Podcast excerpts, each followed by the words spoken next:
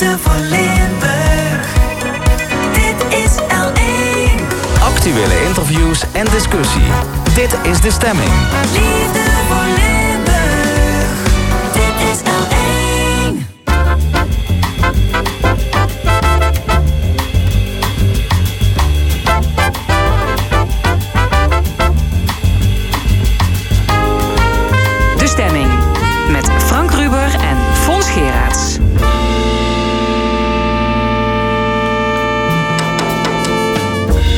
Welkom bij De Stemming, het interview- en discussieprogramma van L1 Radio. In het eerste uur de volgende gasten. Internist Arnoud Lahey en verpleegkundige Fran Peerboom over de uitgeholde zorg. Volgens hen is de maat vol. Harry Prenger schreef een boek over een stroming die een revolutie veroorzaakte in de popmuziek, de punk. En onze cultuuranalist Cyril Offermans geeft adviezen aan de toekomstige minister van Onderwijs. De maand van de geschiedenis staat in het teken van werk. En in ons tweede uur een gesprek over ons arbeidsethos. En of we niet te veel energie steken in werk. Een column van Nina Bokke en het panel met Monique Quint, Karel Leunis en Jan de Wit... discussiëren over boeren die het CDA de rug toekeren... en andere actuele zaken. Tot één uur is dit De Stemming. De medewerkers in de ziekenhuizen zijn overbelast. Het aantal patiënten stijgt, terwijl artsen en verplegers nog uitgeput zijn van de vorige golf. Bovendien is de werkdruk verder opgelopen omdat de nodige medewerkers een andere baan hebben gezocht. Uit protest tegen de uitgeholde zorg begon Arnoud Lahey, intensivist van het Sint-Jans Gasthuis in Weert, een petitie. In een begeleidende brandbrief roept hij het kabinet op om te investeren in de zorg, want de maat is vol. Aan tafel Arnoud Lahey en ook Fran Peerboom, verpleegkundige van het Zuiderland Ziekenhuis. Goedemorgen allebei. Goedemorgen. Het aantal patiënten met corona neemt toe. In de ziekenhuizen, dat eh, horen we, dat lezen we de laatste tijd weer. Eh, wat merken jullie daarvan in het ziekenhuis? Eh, nou, je merkt dat, eh, eh, dat de druk toch wel wat hoger wordt. We spreken nu nog niet van supergrote aantallen coronapatiënten. Maar je merkt wel dat de spanning toeneemt naarmate je het aantal eh, patiënten ziet stijgen. En dat zorgt ook wel voor onrust. Onrust onder het personeel. Ja, zeker. Ja. In Weert eh, is daar hetzelfde beeld? Ja, precies hetzelfde beeld. Ook de grote zorgen. En dat is vandaar ook dat, dat wij, eh, en dat nogmaals, dit heb ik opgezet samen met Sander de Lange, ook intensivist, maar dan in het Zuiderland, eh, toevallig ook waar Fran werkt, een brandbrief hebben geschreven. Ja, een brandbrief. Jullie als collega-intensivisten hebben die geschreven. Ehm, en daarin beschrijven jullie de zorgen die er bestaan over de toestand van de zorg. Ehm, wat hopen jullie te bereiken met zo'n brandbrief? Wat wij hopen te bereiken is, is dat de zorgverleners gaan, gaan opstaan. eh, en dat ze eh, de zorgstructuur, hè, dus, dus de arbeidsomstandigheden waarin wij werken, dat ze dat zelf gaan bepalen. En ik hoop eigenlijk een beetje op een sneeuwbaleffect. eh, dat eh, alle zorgmedewerkers in welke tak van sport ook gaan kijken hoe we de zorg gaan herstructureren. De zorgmedewerkers. Dus het is een oproep aan jullie collega's. Aan alle collega's binnen de zorg. En niet zozeer aan de politiek. Nou ja, goed.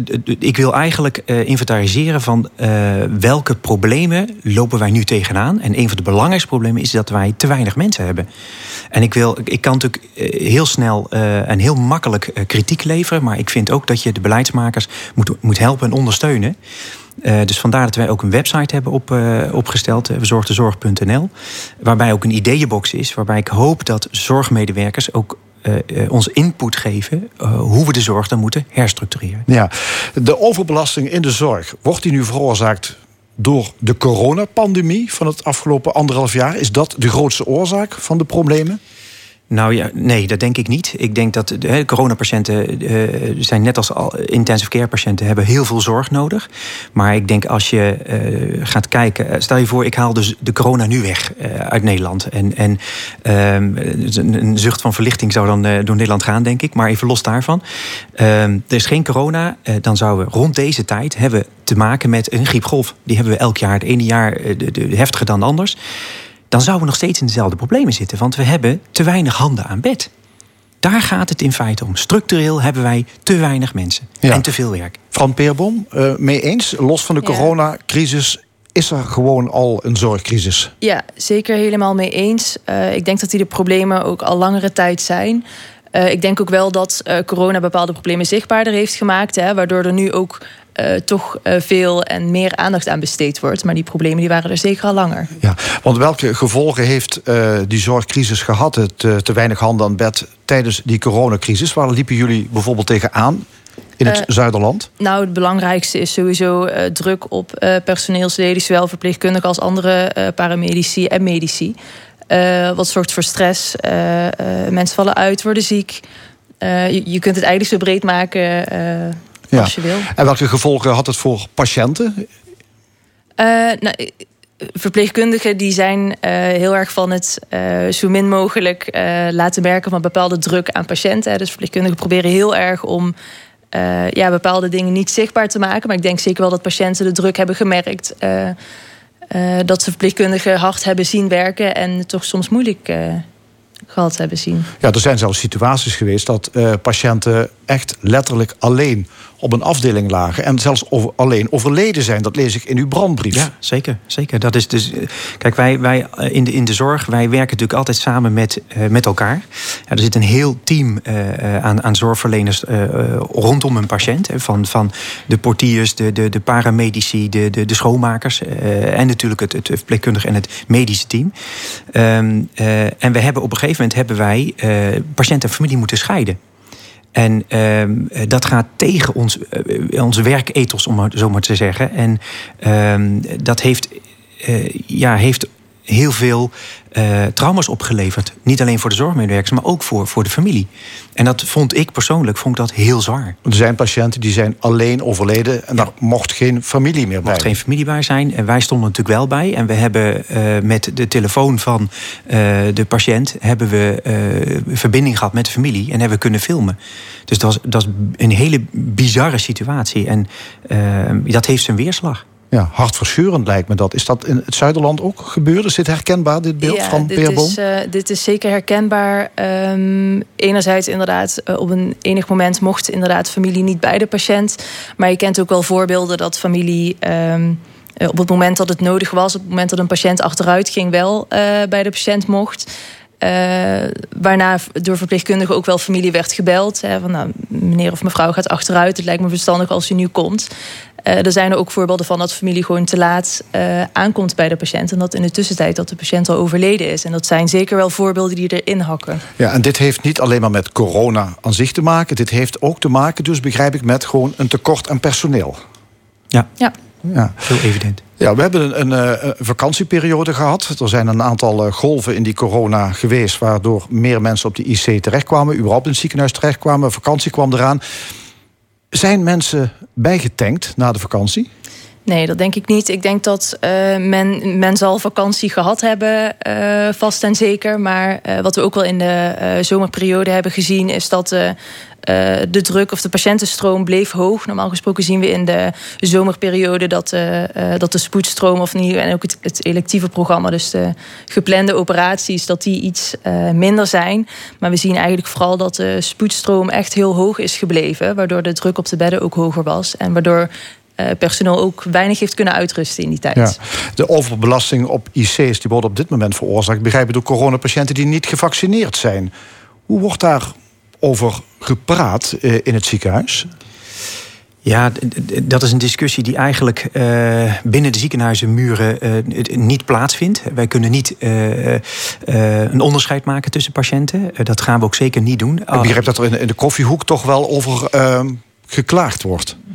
Eh, ik vind dat niet professioneel, eh, persoonlijk. Eh, maar waar ik me heel veel zorgen over maak... is dat er ook eh, gevacci- gevaccineerde patiënten... eh, ook nog steeds in het ziekenhuis liggen. En dat is wat we nog niet begrijpen. Eh, en ik, ik, ehm, ik kan als intensivist... heb ik eh, een eet afgelegd... en ik zal iedereen, ongeacht... eh, altijd mijn hulp eh, bieden. Ja. Hoe, hoe zit dat in het Zuiderland? Wordt Ja. daarover geklaagd? eh, Nee, inderdaad, ik, her- bij ik de herken koffie? dat ook niet echt. Ehm, wat ik wel herken is dat eh, inderdaad eh, voor het grootste deel eh, niet gevaccineerde patiënten in het ziekenhuis liggen. En dan kan ik me voorstellen dat het voor een verpleegkundige of voor een arts. Eh, dat je er wel even over nadenkt van nou, als deze patiënt gevaccine- gevaccineerd was, was hij misschien niet hier geweest. Maar ik herken het niet dat er over wordt geklaagd Nee. of heel erg over wordt gediscussieerd. Gelukkig niet. Nee. Nee. Kunnen we met de huidige bezetting in de ziekenhuizen... de achterstanden in de zorg ooit nog inhalen? Nee. Nou ja, precies wat collega Fran ook zegt. We hebben natuurlijk eh, een, een, een inhaalslag moeten maken. Dat is vandaar dat, dat we in de zomerperiode ook extra hard met z'n allen eh, eh, hebben moeten doorwerken. En dat is het mooie aan het werken in de zorg. Is dat wij altijd verbinding zoeken met elkaar. En samen de schouders eronder zetten. En ehm, dat is ook de reden dat ik in de zorg ben, ben gaan werken. Maar mensen ehm, zien nu dat, dat we ons werk niet meer goed kunnen doen, omdat we nog steeds tekorten hebben. Eh, we zien, eh, en die tekorten die zijn er eigenlijk al voor de corona. Als je eh, terug gaat kijken, daar is in 2018 is, is de commissie eh, eh, Terpstra opgericht. En die hebben al eh, knelpunten in de zorg blootgelegd. We hebben te maken met vergrijzing in de maatschappij, maar ook in de, eh, in de zorgmedewerkers. En we zien mensen die, die eh, in de zorg gaan werken, die zien we binnen vijf jaar is iets minder dan de helft is alweer vertrokken. Ja, Eh, maar nog even terug naar eh, die, achter, die uitgestelde zorg. U zegt, eh, ja, op dit moment, dat, dat kunnen we niet meer inhalen met de mensen die we nu hebben. Dus welke gevolgen heeft dat? Welke, wie moet er allemaal wachten? Wat voor soort operaties of behandelingen? Nou ja, da- daar zijn we dus zo bang voor. We zijn bang dat we eh, reguliere zorg weer moeten uitstellen. Dat we mensen eh, die een, een, bijvoorbeeld een hartoperatie moeten hebben... eh, dat wordt dus ook nu door de commissies aangegeven... dat we die moeten uitstellen. Dat, dat gaat behoorlijk ver. Hè? Dat, is dus, dat kan levensbedreigend zijn. Ja, ja, maar dat is ook de reden dat we gelukkig ook hier zitten. En dat we hopelijk steun krijgen. dat mensen inderdaad ons gaan ondersteunen. En, en dat we de beleidsmakers kunnen helpen in ons streven. Ja. De werkdruk die wordt voor een groot deel veroorzaakt, begrijp ik, door administratieve handelingen die zorgpersoneel moet uitvoeren. Bijvoorbeeld de verpleging. Wat zijn dat voor handelingen? Ja, dat, eh, dat herken ik ook wel. Ja, bij administratieve handelingen zou je moeten denken aan het invullen van eh, verschillende scorelijsten. Of het, eh, het afvinken van bepaalde zaken die je hebt gedaan. om maar te kunnen eh, bewijzen dat je ze ook daadwerkelijk hebt gedaan. Ik kan me Eh, voorstellen dat het ook wel belangrijk is dat, je dat, dat er zo'n checklist is. En dat ook ja, zo je, je collega weet wat is er gebeurd met een patiënt. Ja, absoluut. Dat is ook belangrijk. Hè? En ehm, het, het probleem dat we nu ook vooral veel zien, is dat er veel dubbel geregistreerd wordt. Veel eh, inefficiënt geregistreerd wordt. Eh, men is wel bezig met allerlei verschillende oplossingen. We zijn bijvoorbeeld eh, binnen Zuidland bezig met het, het spraakgestuurd eh, registreren. Dus dan kun je in een apparaatje praten en dan wordt, worden zaken voor je geregistreerd. Of het regie bij de verpleegkundige leggen als het gaat over invullen van bepaalde scorelijsten. Dat zijn voorbeelden van ja, zaken die die registratielast iets zouden verminderen. Maar dan nog is er veel, veel dat geregistreerd moet worden. Ja. Probleem is, er zijn veel mensen vertrokken uit de zorg en er komen niet genoeg mensen weer bij. Ik las eh 27.000 collega's van jullie zijn afgelopen jaar gestopt. Ja, 27.000. juist. Dat is gigantisch natuurlijk. Ehm, dus er moet een reden zijn dat er onvoldoende mensen bij komen. Waarom willen niet meer mensen in die zorg werken? Nou ja, dat is, dat is eh, waarvoor, waar we eigenlijk nu moeten kijken. En, en dan moet je eh, in alle takken van sport, hè, bij de huisarts, bij de GGZ, bij de ambulance, bij de verpleeghuizen, moet je gaan kijken van goh, wat hebben de verzorgende verpleegkundigen, wat hebben die zorgverleners nodig? Ehm, eh, er wordt vanuit een tekentafel wordt er een, een, een, een computermodel opgesteld en dat wordt dan neergelegd op de werkvloer. Eh, maar je moet de mensen naast de patiënt, die moet je vragen wat ze nodig hebben. Ehm, eh, je, moet, maar je kunt mij vragen wat een verpleegkundige nodig heeft, maar ik kom daar niet. Dat moet je aan hunzelf vragen. Ook een ambulanceverpleegkundige moet je aan die mensen vragen. Ehm, en, ik denk dat als je gaat kijken naar de, de hoeveelheid bedden die we tien jaar hadden en nu, daar zit een verschil. We hebben, kunnen veel minder bedden openzetten, om het zo maar te zeggen, omdat we te weinig mensen hebben. En die mensen die moeten gehoord worden. En dat als je kijkt naar de commissie Terpstra, die geeft hele duidelijke aanbevelingen. Eh, dat inderdaad mensen zeggen: wij willen meer eh, autonomie, wij willen invulling in ons eigen werk. Wij willen doorgroeimogelijkheden hebben.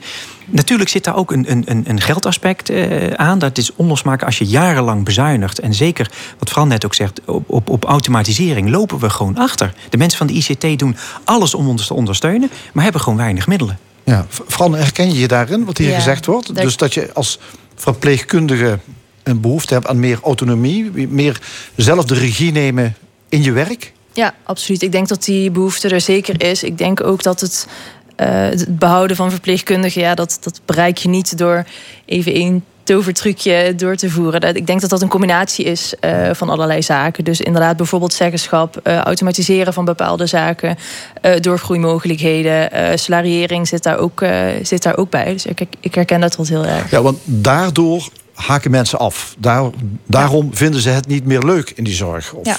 Kunnen ze niet doen wat ze zouden willen doen. Ja, helaas wel. Ja. Ja, Ehm, ik kan me voorstellen dat ziekenhuizen misschien ook zelf creatiever kunnen zijn. Ik las het, het, het UMC in Maastricht bijvoorbeeld. Die gaan mensen gewoon veel eerder al in het traject van de opleiding inzetten aan bed. Is dat een, een oplossing? Dat is een, een deel oplossing, maar nogmaals, het is een landelijk probleem. Er zijn landelijke afspraken gemaakt. En ik denk dat we. eh, natuurlijk is dit een van de oplossingen. eh, maar we, we hebben. Ik heb ontzettend veel vertrouwen in eh, gezondheidszorg. We, hebben een gedegen opleiding. Dus die mensen weten precies wat ze nodig hebben. En daarop moeten we kunnen vertrouwen. En ik denk ook dat we heel goed moeten omgaan met mensen die. het is ook heel vaak dat mensen hun pensioenleeftijd niet halen dat ze vroeg met pensioen gaan. En, en ik denk dat als je een, een oud verpleegkundige... die moet je niet meer op een, een, een hele zware zieke patiënt zetten... maar die, die hebben andere functies die ze kunnen vervullen. Ja. En ik weet ook zelf niet of ik mijn pensioenleeftijd ga halen... als het zo doorgaat. Het is tropenwerk. Dus duidelijk. Eh, geef eh, een stem aan de medewerkers in de zorg. Dat is jullie oproep in de brandbrief en in de petitie. Noem hem één keer, waar die te vinden is. Verzorgdezorg.nl. Oké, dank jullie wel. Arnold Lahaaien en Fran Peerboom. Dankjewel. Dankjewel. Zometeen aandacht voor punk, over de enorme invloed van deze stroming. Harry Prenger schreef er een boek over. En wat is dan een betere introductie dan Iggy Pop, bijgenaamd The Godfather of Punk, Last for Life.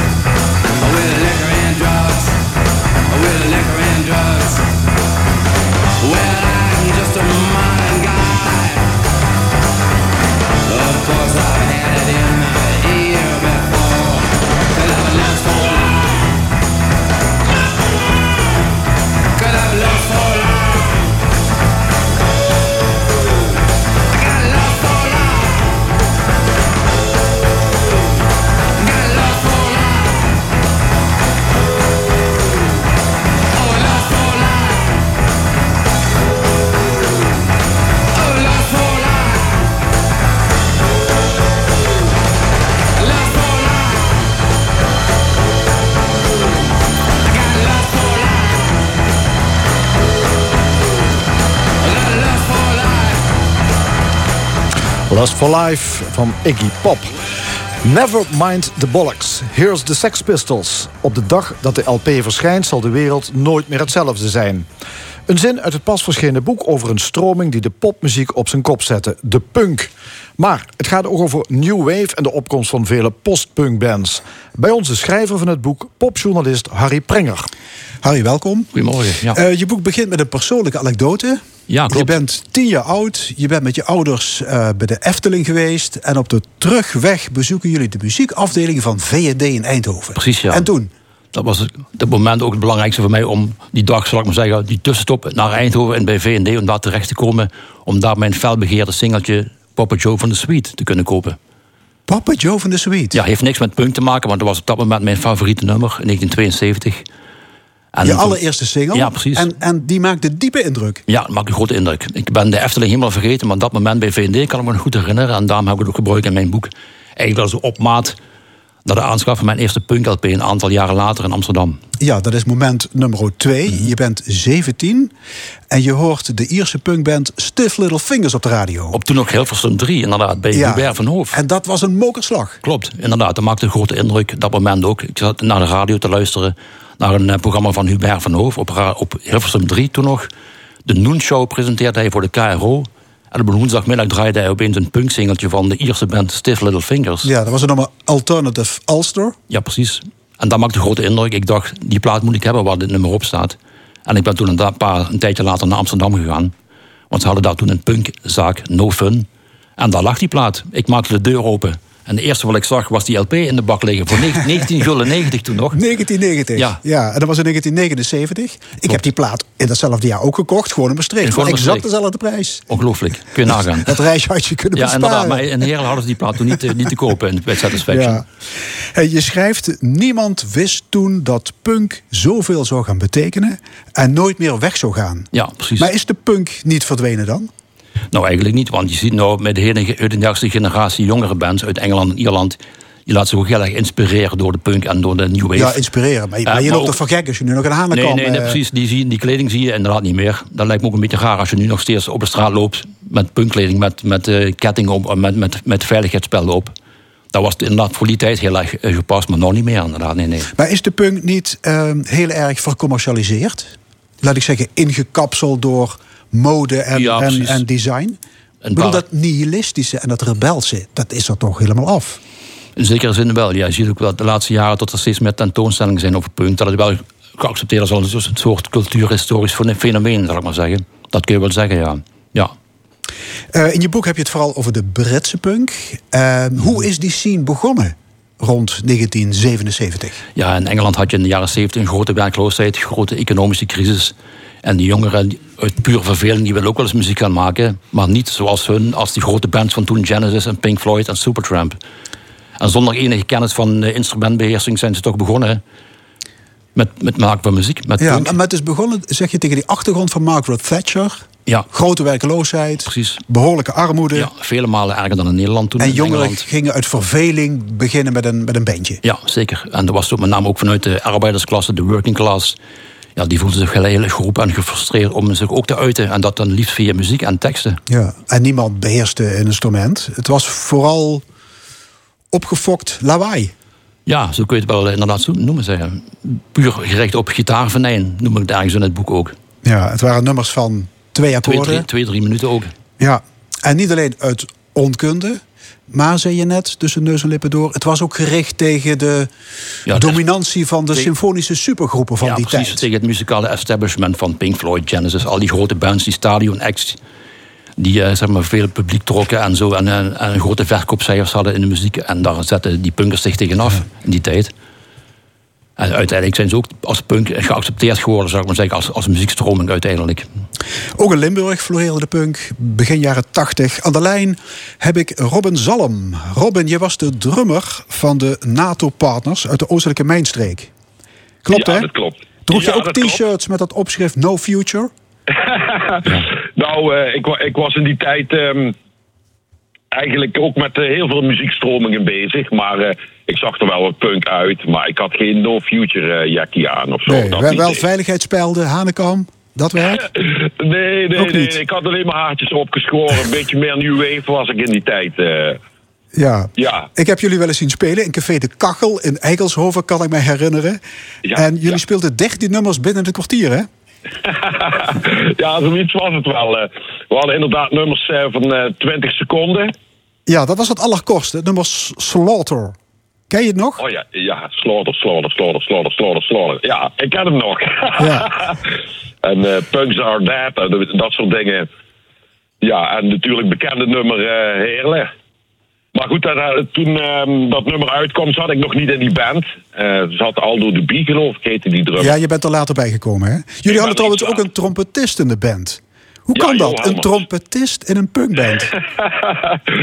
ja, die was een soort, hoe noem je dat, haarvijen, wat die, wat die blies zit. Het was wel heel eh, apart eh, bij de Natenpartners, inderdaad. eh. Ja. Dus dat, dat, dat gaf ook een beetje feest in de muziek. Ehm, ja, ik denk dat dat eh, heel leuk was eh, in die tijd. Dat onderscheidde ons wel weer van andere punkbands, want dat deed eigenlijk niemand. Ja, jullie hebben een cassette uitgebracht. Heerlen, Klotenstad. eh, later nog een cd. Hoe kijk je eigenlijk Ja. terug op die periode? Hing, hing er een sfeer van doem in de lucht toen? Nou, ik geloof dat wij iets, iets later waren met die punk. Toen, volgens mij rond 1986. En wij eh, maakten eigenlijk meer muziek omdat we dat ook gewoon coole, coole muziek vonden. Maar ik geloof dat ehm, het, het, het erge eigenlijk achter de rug was. Maar het was gewoon meer de passie voor muziek. eh. Ja, het erge bedoel je mee de, de werkloosheid en zo. Ja, precies. Waar, waaruit het eigenlijk eh, ontstaan is, die punk. En eh, ja, ik geloof Martin Kriem, hè, die zat toen bij de Spoilers. Die zat ook in het begin bij de NATO-partners. En die heeft dat volgens mij vanaf 1978 eh, meegemaakt. Ja. Maar punk was meer dan muziek. Hè? Het was een complete subcultuur. Ja. Eh, wa- was het credo ook een beetje de burgerlijke maatschappij kan ons de rug op? Ja, de opgestoken middelvinger? Ja, daar gingen ook wel de teksten over. Vooral in Heerlen hoor je dat goed terug in dat liedje.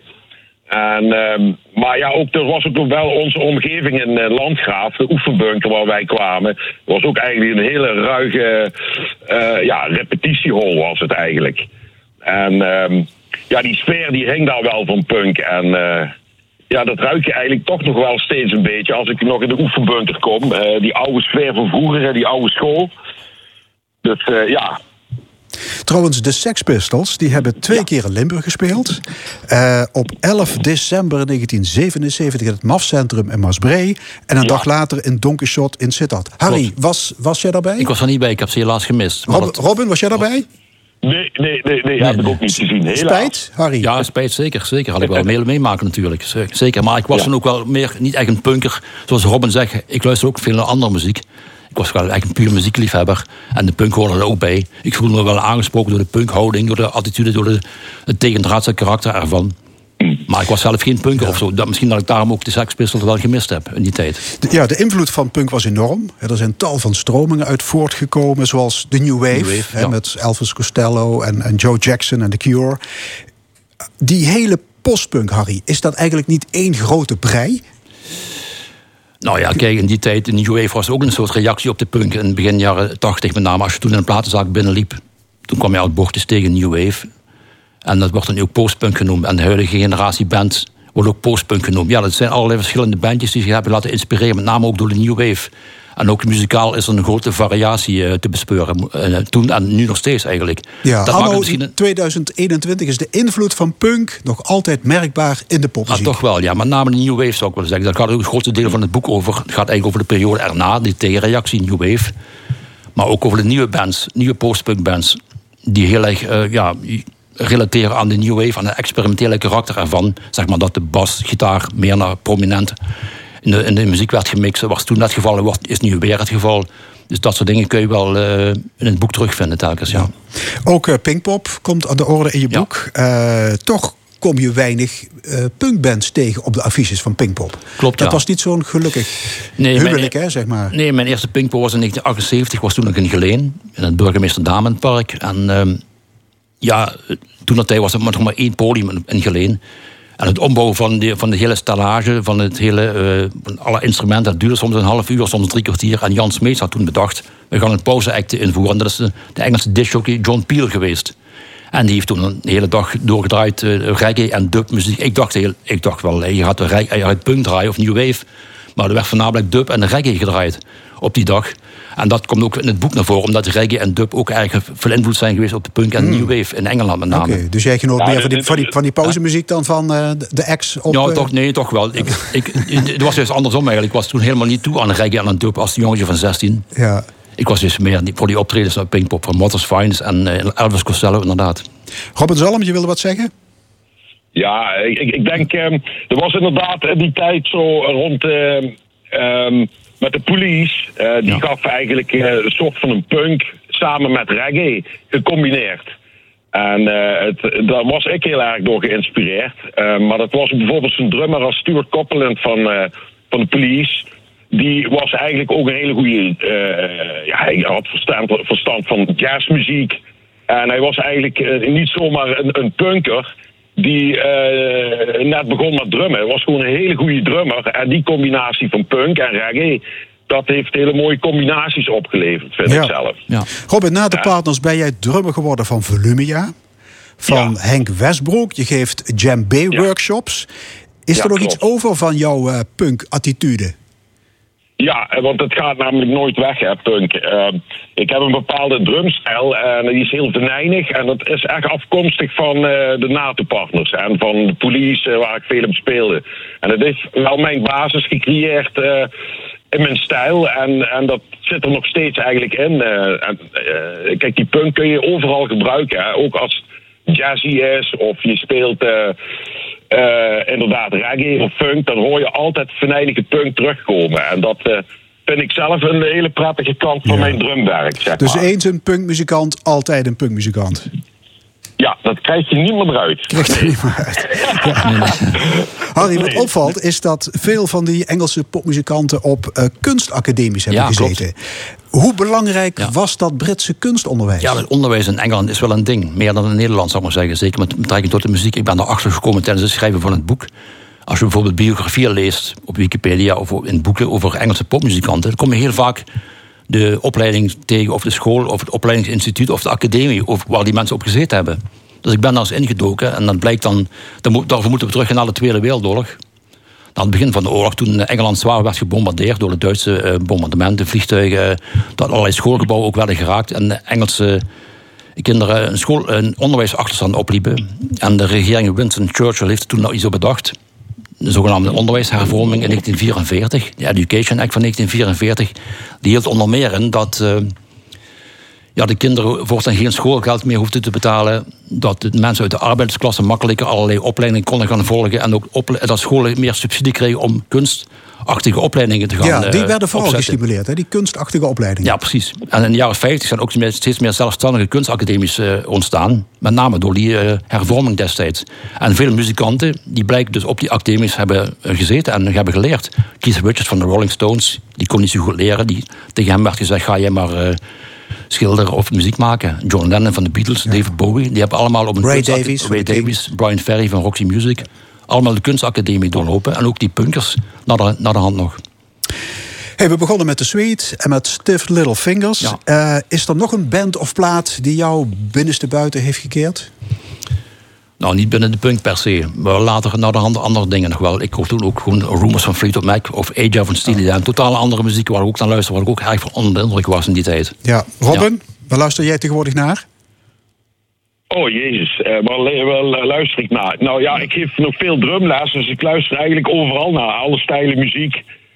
Ook eh, muziek van nu gewoon. ehm. Maar ik ben, eh, ja, ik ben nou toevallig even op een toertje met, eh, met blues, met Robert Duif. Dus ik zit ergens in Groningen nu. Oké. Nou, veel, veel plezier daar in het Hoge Noorden. Eh, ja, ja, ja, ja, ja, Oké, dank je. Robin Zalm en ook Harry Prenger, hartelijk dank. Het boek Postpunk, Heden en Verleden is een uitgave van Van Gorkum. Ja, de Koninklijke van Gorkum. De koning, ja. Oké. The Clash was een eh, Britse punkgroep, niet de meest rauwe punk denkbaar. En wellicht daarom raakte de band ook bekend bij een groot publiek. In 1982 scoorde The Clash met Rock the Casbah een hit.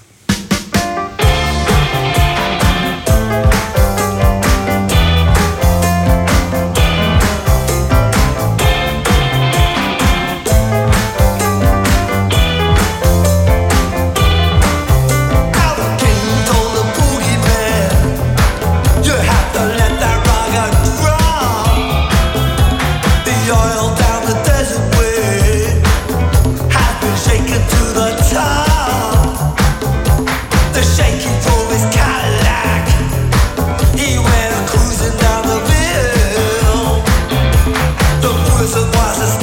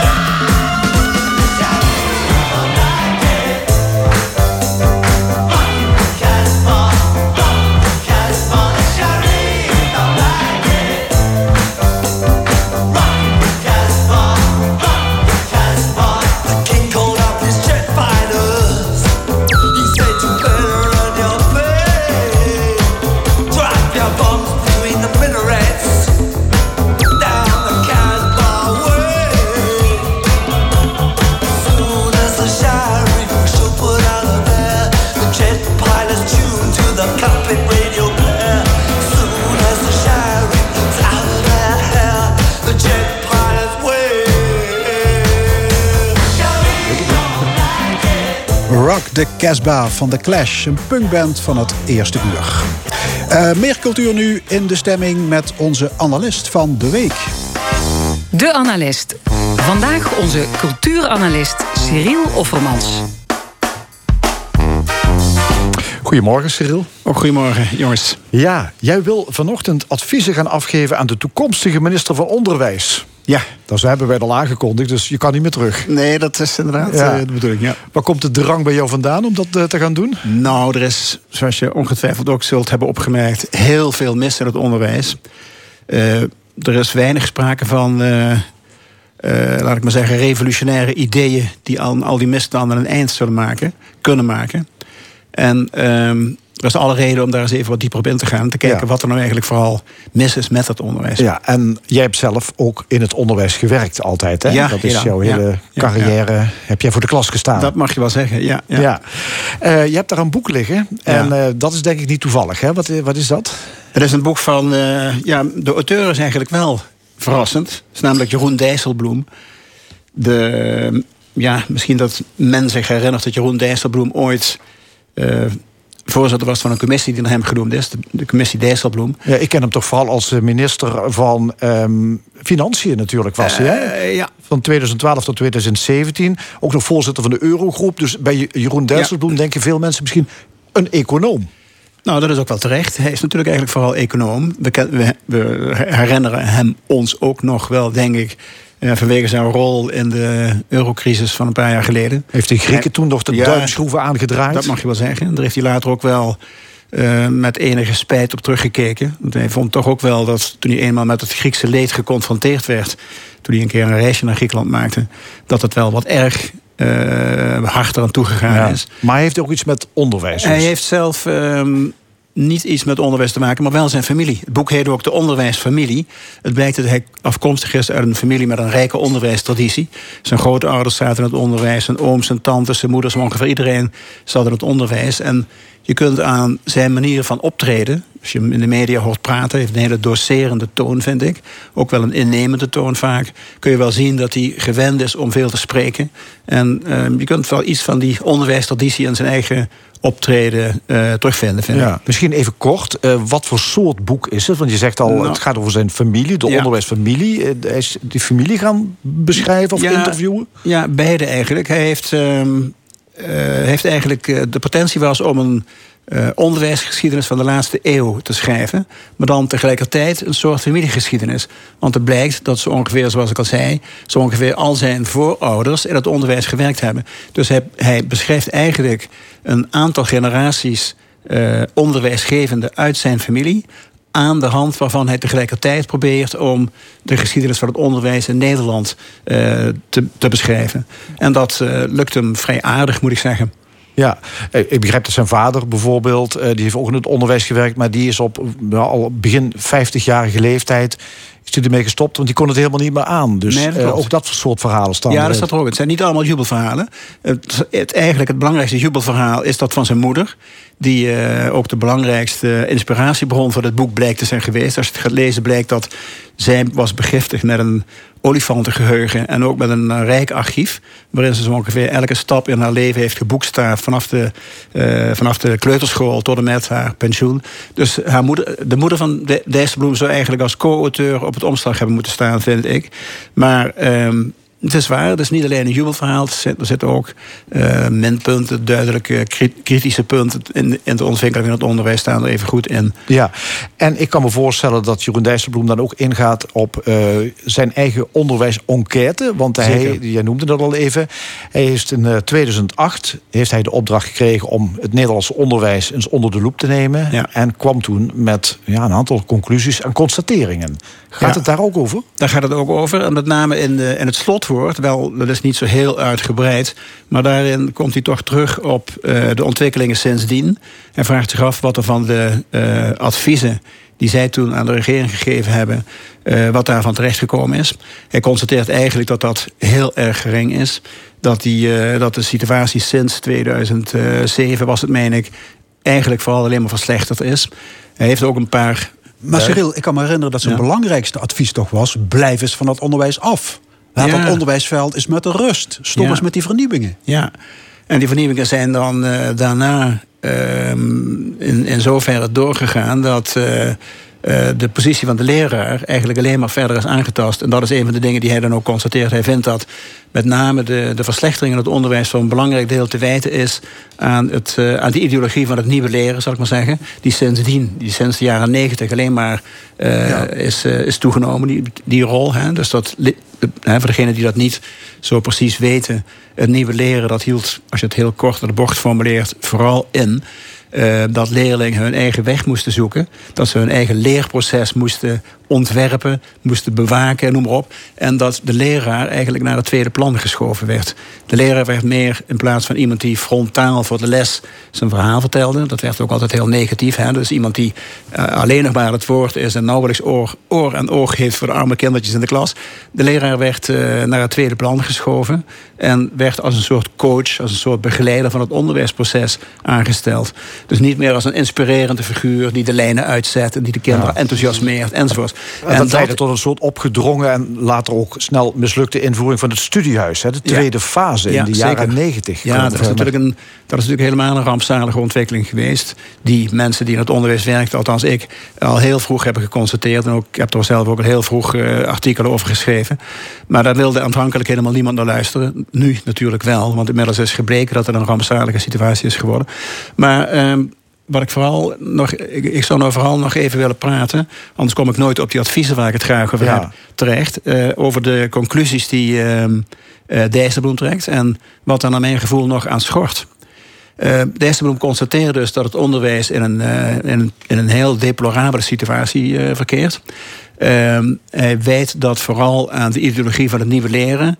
En aan het feit dat de lerarenopleidingen nauwelijks nog eisen stellen aan de aankomende leraren.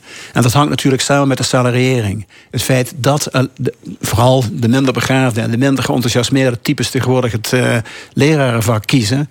Dat eh, niet alleen natuurlijk, hè, er zijn altijd nog wel uitzonderingen, maar toch in hoofdzaak wel. Dat was overigens 20 jaar geleden ook al ongeveer zo. Eh, dat komt toch ook door de slechte salariering. En door het feit dat iedereen nu langzamerhand wel weet dat het een hondenbaan is voor een heel groot deel. Je werkt je kapot voor een heel klein salaris. Iedereen ziet hoeveel mensen er voortijdig uitvallen. Dus daar moet in elk geval iets aan gebeuren. Zeg Dus- jij nou echt dat mensen die nu voor het onderwijs kiezen... in, in grote mate niet eh, gemotiveerd zijn om dat, Dat was, te dat gaan was uitoefenen? ik ben eh, vijf, 16 jaar geleden uit het onderwijs vertrokken. Met, met vervroegd pensioen, zoals je misschien eh, je zult herinneren uit een eerder verhaal. Ehm, maar ook toen was het al zo eh, dat de mensen die voor een eh, onderwijzersopleiding kozen, dus dat heette toen PABO, of misschien heet het nog wel zo. Eh, dat waren vooral mensen die eigenlijk niet een andere keuze hadden. Die wisten niet waar ze heen moesten. Die kozen dan in godsnaam maar voor de PABO. Geen idee hadden ze wat ze daar te zoeken hadden. Eh, motivatie nul. Ehm, en dat is sindsdien echt niet verbeterd. Dat gold voor de lerarenopleidingen, voor het middelbaar onderwijs, gold iets vergelijkbaars. En natuurlijk zijn er uitzonderingen. Natuurlijk zijn er ook heel veel jonge mensen die wel heel bewust kozen voor het vak. En die dat ook eh, in hun mars hadden. Maar een heel groot deel ervan niet. Maar daar wil ik niet te lang bij stilstaan, want het allerbelangrijkste moet. Je adviezen. Ja, precies. Ja, want jij wil advies Oké. geven aan de, toekomstige minister nou, van ik- Onderwijs. ja, nou, de- het, het, het belangrijkste advies, dat, daar zal ik maar gewoon mee beginnen, anders heb ik daar straks geen tijd voor misschien, is dat artikel 23 afgeschaft moet worden. Ik weet wel dat de kans daarop buitengewoon klein is. want in dat Nederland, is de, de vrijheid van onderwijs. Hè? dat is, de, dat is de vrijheid van onderwijs en vooral ook de vrijheid tot indoctrinatie, mag, moet je tegenwoordig Ja. helaas constateren. Eh, in 1917 is dat artikel eh, aangenomen in Nederland. Dat betekent En- dat je katholieke, protestantse scholen, islamitische scholen mag opzetten. en die mag je opzetten. Dat, dat mocht eerder ook al. Maar je- vanaf 1917 worden ze ook door het Rijk betaald. Met andere woorden, de belastingbetaler betaalt aan wat daar verteld wordt. En als daar dus allerlei, laat ik maar zeggen, buitengewoon bedenkelijke verhalen verteld worden. Als de invloed van de religie op het onderwijs alsmaar toeneemt. Dan heb ik straks een paar krasse voorbeelden van. Ontleend aan recent onderzoek van NRC-journalisten.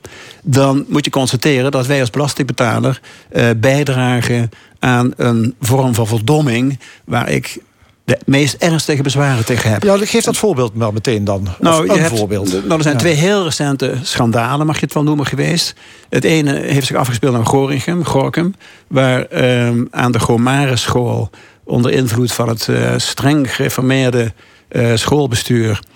kinderen die homofiele neigingen bleken te hebben... ik heb het over een middelbare school... eh, gedwongen werden om dat toe te geven. En toe te geven, dus in de zin- dat, dat heet daar ook toegeven. Eh, want het gebeurde met de mes op de keel. Eh, die kinderen die, ver- die verkeerden heel vaak nog in een soort twijfelfase... dat ze het zelf nog niet zo precies wisten. Maar ehm, die werd duidelijk gemaakt dat het iets heel slechts was. Dat was tegen de wil van God, tegen de wil enzovoort. Dat stond allemaal niet in de Bijbel precies zo. Maar met alle respect, maar heeft het iets te maken met onderwijs? Ja, ik snap wel heeft- met opvoeding, Natuurlijk. met ontplooiing van iemand... maar Natuurlijk heb je dan slecht onderwijs? Dat betekent ook, nou, een volgende stap om daar meteen naartoe te gaan, is dan dat diezelfde eh, religieuze scholen via de schoolbesturen hele sterke invloed uitoefenen op de uitgeverij van schoolboeken. Daar, is, daar heeft de NRC recent een heel interessant artikel over gepubliceerd. Onderzoeksjournalistiek, resultaat van je welste. Het blijkt dat zo ongeveer, de, de, ongeveer alle uitgeverijen, alle educatieve uitgeverijen, zijn, staan sterk onder invloed van religieuze lobby's. Van islamitische scholen natuurlijk, want die En- mo- moeten in en- en één adem genoemd worden. En wat ontbreekt dan in die schoolboeken? Of Daar ontbreekt niet alleen heel veel, maar er wordt ook heel veel eh, met de mantel der liefde bedekt. Of er wordt heel veel half en half verteld. Ik zal maar zeggen, er zijn eh, de auteurs van die schoolboeken krijgen hele duidelijke, expliciete richtlijnen over waar ze het wel en niet over mogen hebben. De lijst die de NRC, ik zal er Ja. straks een paar Maar voorbeelden dus, dus ontbreekt kennis bij leerlingen doordat die schoolboeken... nou, kennis. Er, worden valse, gecensureerd er wordt worden. valse voorlicht gegeven. Er wordt, er wordt een, een wereldbeeld voorgeschoten dat ontleend is aan tribale gemeenschappen van 2000 jaar geleden, eh, anno, anno 2021. Heb je het eh, over het islamitisch onderwijs? Nee, islamitisch onderwijs hoort daar natuurlijk ook bij. Want die zijn wat dat betreft geen haar beter. Maar het gaat nu vooral om gereformeerde en ultra-katholieke eh, instellingen... Die, die als lobbygroepen pressie uitoefenen op uitgeverijen... en die ervoor zorgen dat bijvoorbeeld de evolutietheorie... niet behandeld mag worden. En als die wel behandeld wordt, moet die als een soort even, even, eh, als evenwaardig behandeld worden... aan het, de, de scheppingsleer die, eh, zoals ik al zei... afkomstig is uit een verhaal van 2000 jaar geleden. Eh, de wetenschap heeft heel lang gebukt, is heel lang gebukt gegaan... onder het, eh, onder het juk van de religie. Heeft zich daarvan geëmancipeerd. Maar nu moet het onderwijs die eh, religieus getinte en vervalste wetenschap opnieuw op- overgedragen worden op onze jonge kinderen. Oké, maar je hebt nog een tweede- Dat is toch schandalig? Ja, en, maar er is nog een tweede punt. Nou, het allerbelangrijkste is dus dat het onderwijs bevrijd moet worden van religie. Religie hoort thuis in de privékring, maar niet in het onderwijs. Ja. Eh, het, een volgend punt dat daar wel een beetje mee samenhangt, is dat eh, in het onderwijs de zogenaamde lump sum regeling al sinds 1995, meen ik, van kracht is. Die regeling houdt in dat scholen autonoom kunnen beheren over een hoop geld die ze toeges- toegespeeld krijgen van de regering. Dat leidt ertoe dat er op, dat er op scholen een enorme mate van autonomie, maar vooral ook van willekeur kan ontstaan. Kritische leraren zullen niet gauw in eh, aanmerking komen voor een eh, verhoging van een salaris. Want vroeger was het zo dat je in mijn tijd werd je automatisch gepromoveerd naar een hogere salarisschaal. Geloof me niet dat dat nu nog kan. Dus die, eh, die lump sum regeling moet als de donder worden afgeschaft. Het Rijk moet de verantwoordelijkheid nemen. Moet mensen gewoon op grond van hun eh, kwaliteiten, van hun eh, diploma's en dergelijke. En op grond van hun leeftijd betalen. En niet meer op grond van in welke mate ze in de gunst vallen bij de directie. Is voor jou ministerschap van Onderwijs? Eh, ik heb andere ambities, maar ik wil met alle geliefden eh, in allerlei commissies gaan zitten die hun dat vertelt hoe dat beter zou kunnen. Oké, we wachten af of die minister van Onderwijs komt dit gehoord heeft. Dankjewel. Oké, Stil. graag gedaan. Straks in de stemming ons arbeidsethos. Werken we te hard? Hoe is de balans tussen werk en privé? En waarom werken we eigenlijk? Verder een column, een discussiepanel en nog veel meer. Blijf luisteren. Tot zometeen na reclame en nieuws. 75 jaar, liefde voor Limburg. Dit is L1, Actuele interviews en discussie. Dit is de stemming. liefde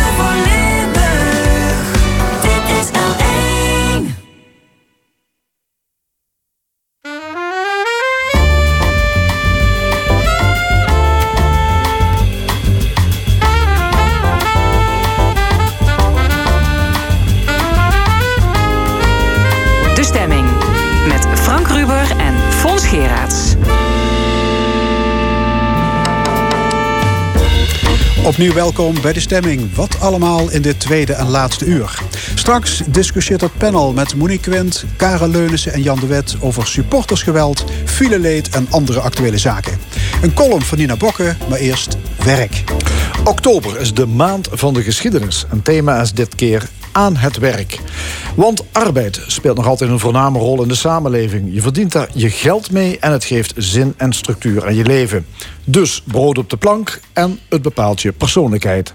Maar werk leidt ook tot burn-outs. Veel werknemers staan onder grote druk. Over werk en ons arbeidsethos gaan we praten met Petra Bolster, bestuurslid van de FNV, en Fred Zijlstra, hoogleraar arbeids- en organisatiepsychologie aan de Universiteit Maastricht. Welkom allebei.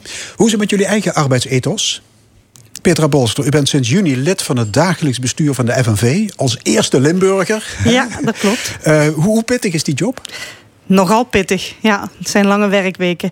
Maar wel voor een goed doel, zal ik maar zeggen. Dus Voor een goed eh, ik, ik raak er heel ge- geïnspireerd van. Ja. Ja, het is wel Eh, nodig. in ja, het is een vakcentrale die altijd in beweging is. Brengt dat extra belasting met zich mee? Eh, ja, je moet goed kunnen schakelen natuurlijk en op eh, dingen kunnen inspelen. Dus ja, dat we- heeft extra belasting, maar ik persoonlijk voel dat niet zo, want het is echt mijn lust en mijn leven. En dat is in de context van werk en zingeving belangrijk. En daar gaat het boekje ook over. Ja. Fred Zijlstra, u bent arbeidspsycholoog. Moeten we nog uitleggen wat dat is? Wat doet Nou, een arbeidspsycholoog? Heel kort, dat zijn ehm, mensen die weten wat mensen beweegt tijdens het werk, waarom ze werken, wat voor gevolgen werk voor hun kan hebben. Eh, Zowel persoonlijk, maar ook ten aanzien van gezondheid en dat soort dingen meer. Er wordt veel geklaagd door universitair personeel over hoge werkdruk. Ja. Ziet u dat ook Ja. om u heen? Ja, nee, nee, zeker. Ik, ik merk het zelf persoonlijk ook, maar ik zie het nadrukkelijk om me heen. Ehm, ja, als je goed kijkt hoe- wat er aan de hand is, is dat zeg maar de staf-studentratio de laatste decennia ontzettend veranderd is. Dus veel meer studenten. Meer studenten, minder staf. Minder staf, ja. En dat betekent extra werk voor... Dat betekent extra werk voor docenten. Daarnaast ook zeg maar veel meer, noem het nou, protocolisering van wat wel mag, wat niet mag. Dus de structuur, dat betekent dat eh, docenten ook voelen dat zich in hun eigen professionaliteit aangetast worden. Wat bijvoorbeeld in de zorg ook gaande is. Dit moet, dat moet. En dat heeft te maken met kwaliteitszorg, het heeft te maken met afrekenen en noem maar op. Dus daar moet geld bij van de overheid. Ja, of zegt u, ik. dit hebben de universiteiten zichzelf... Nou, voor een deel, universiteiten, laten maar ook de, ook de overheid. Eh, dat is niet alleen de Nederlandse overheid, maar ook Europees. Als wij onderwijs als een markt zien...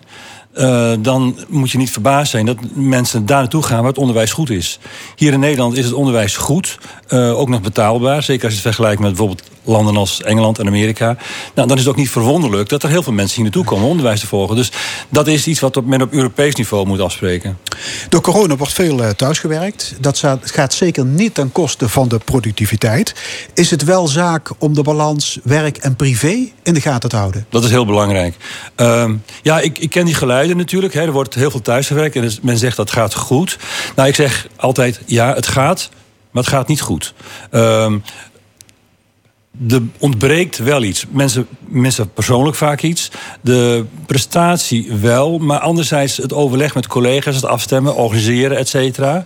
eh, eh, dat, dat, dat leidt er wel onder. En dat zie je ook, dat heeft ook wel te maken met wat we noemen arbeidsvreugde. Dat is ook een beetje het thema van het boekje weer. Dat wordt er wel nadelig door beïnvloed. Oké. U, u woont in Brunsum. Het kantoor staat in Utrecht. Klopt. Kunt u thuiswerken?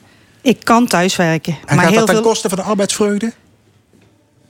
Bij mij niet zozeer. Integendeel. Nou, ik, ik zit ook heel veel nog in Utrecht en in Den Haag, omdat daar de overleggen plaatsvinden. Dus ik ben relatief gezien nog veel onderweg.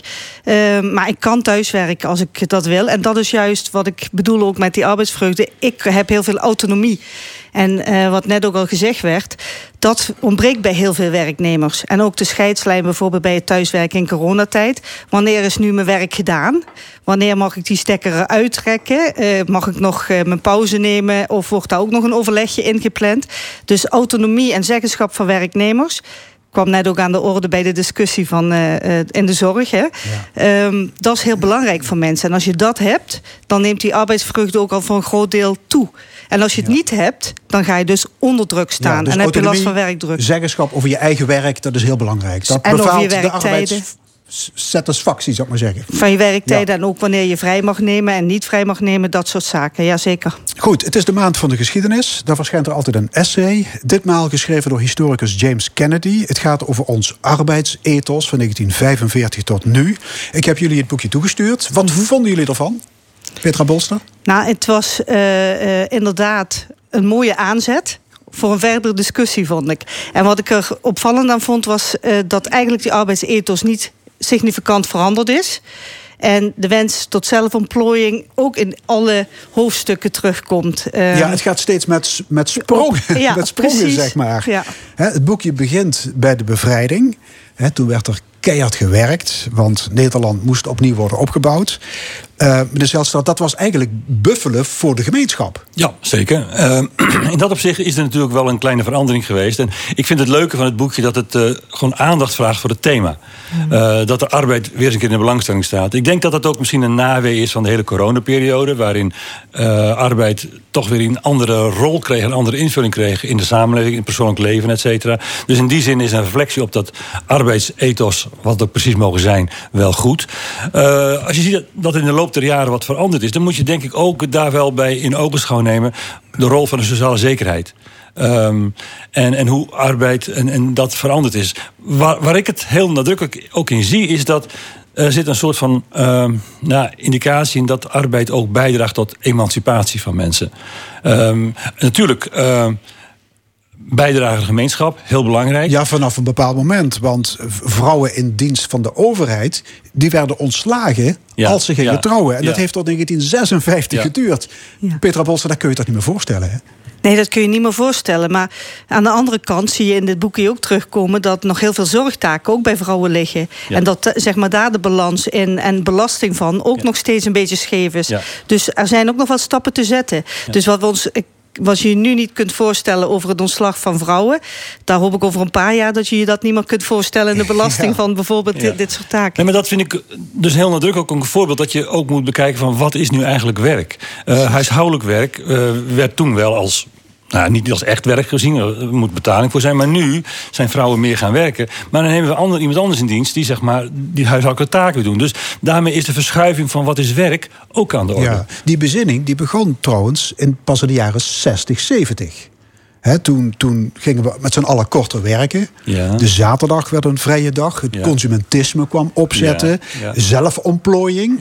Nou ja, eigenlijk moet je, als je heel eerlijk bent, eh, al een stap terugnemen. Dan moet je teruggaan naar de industriële revolutie.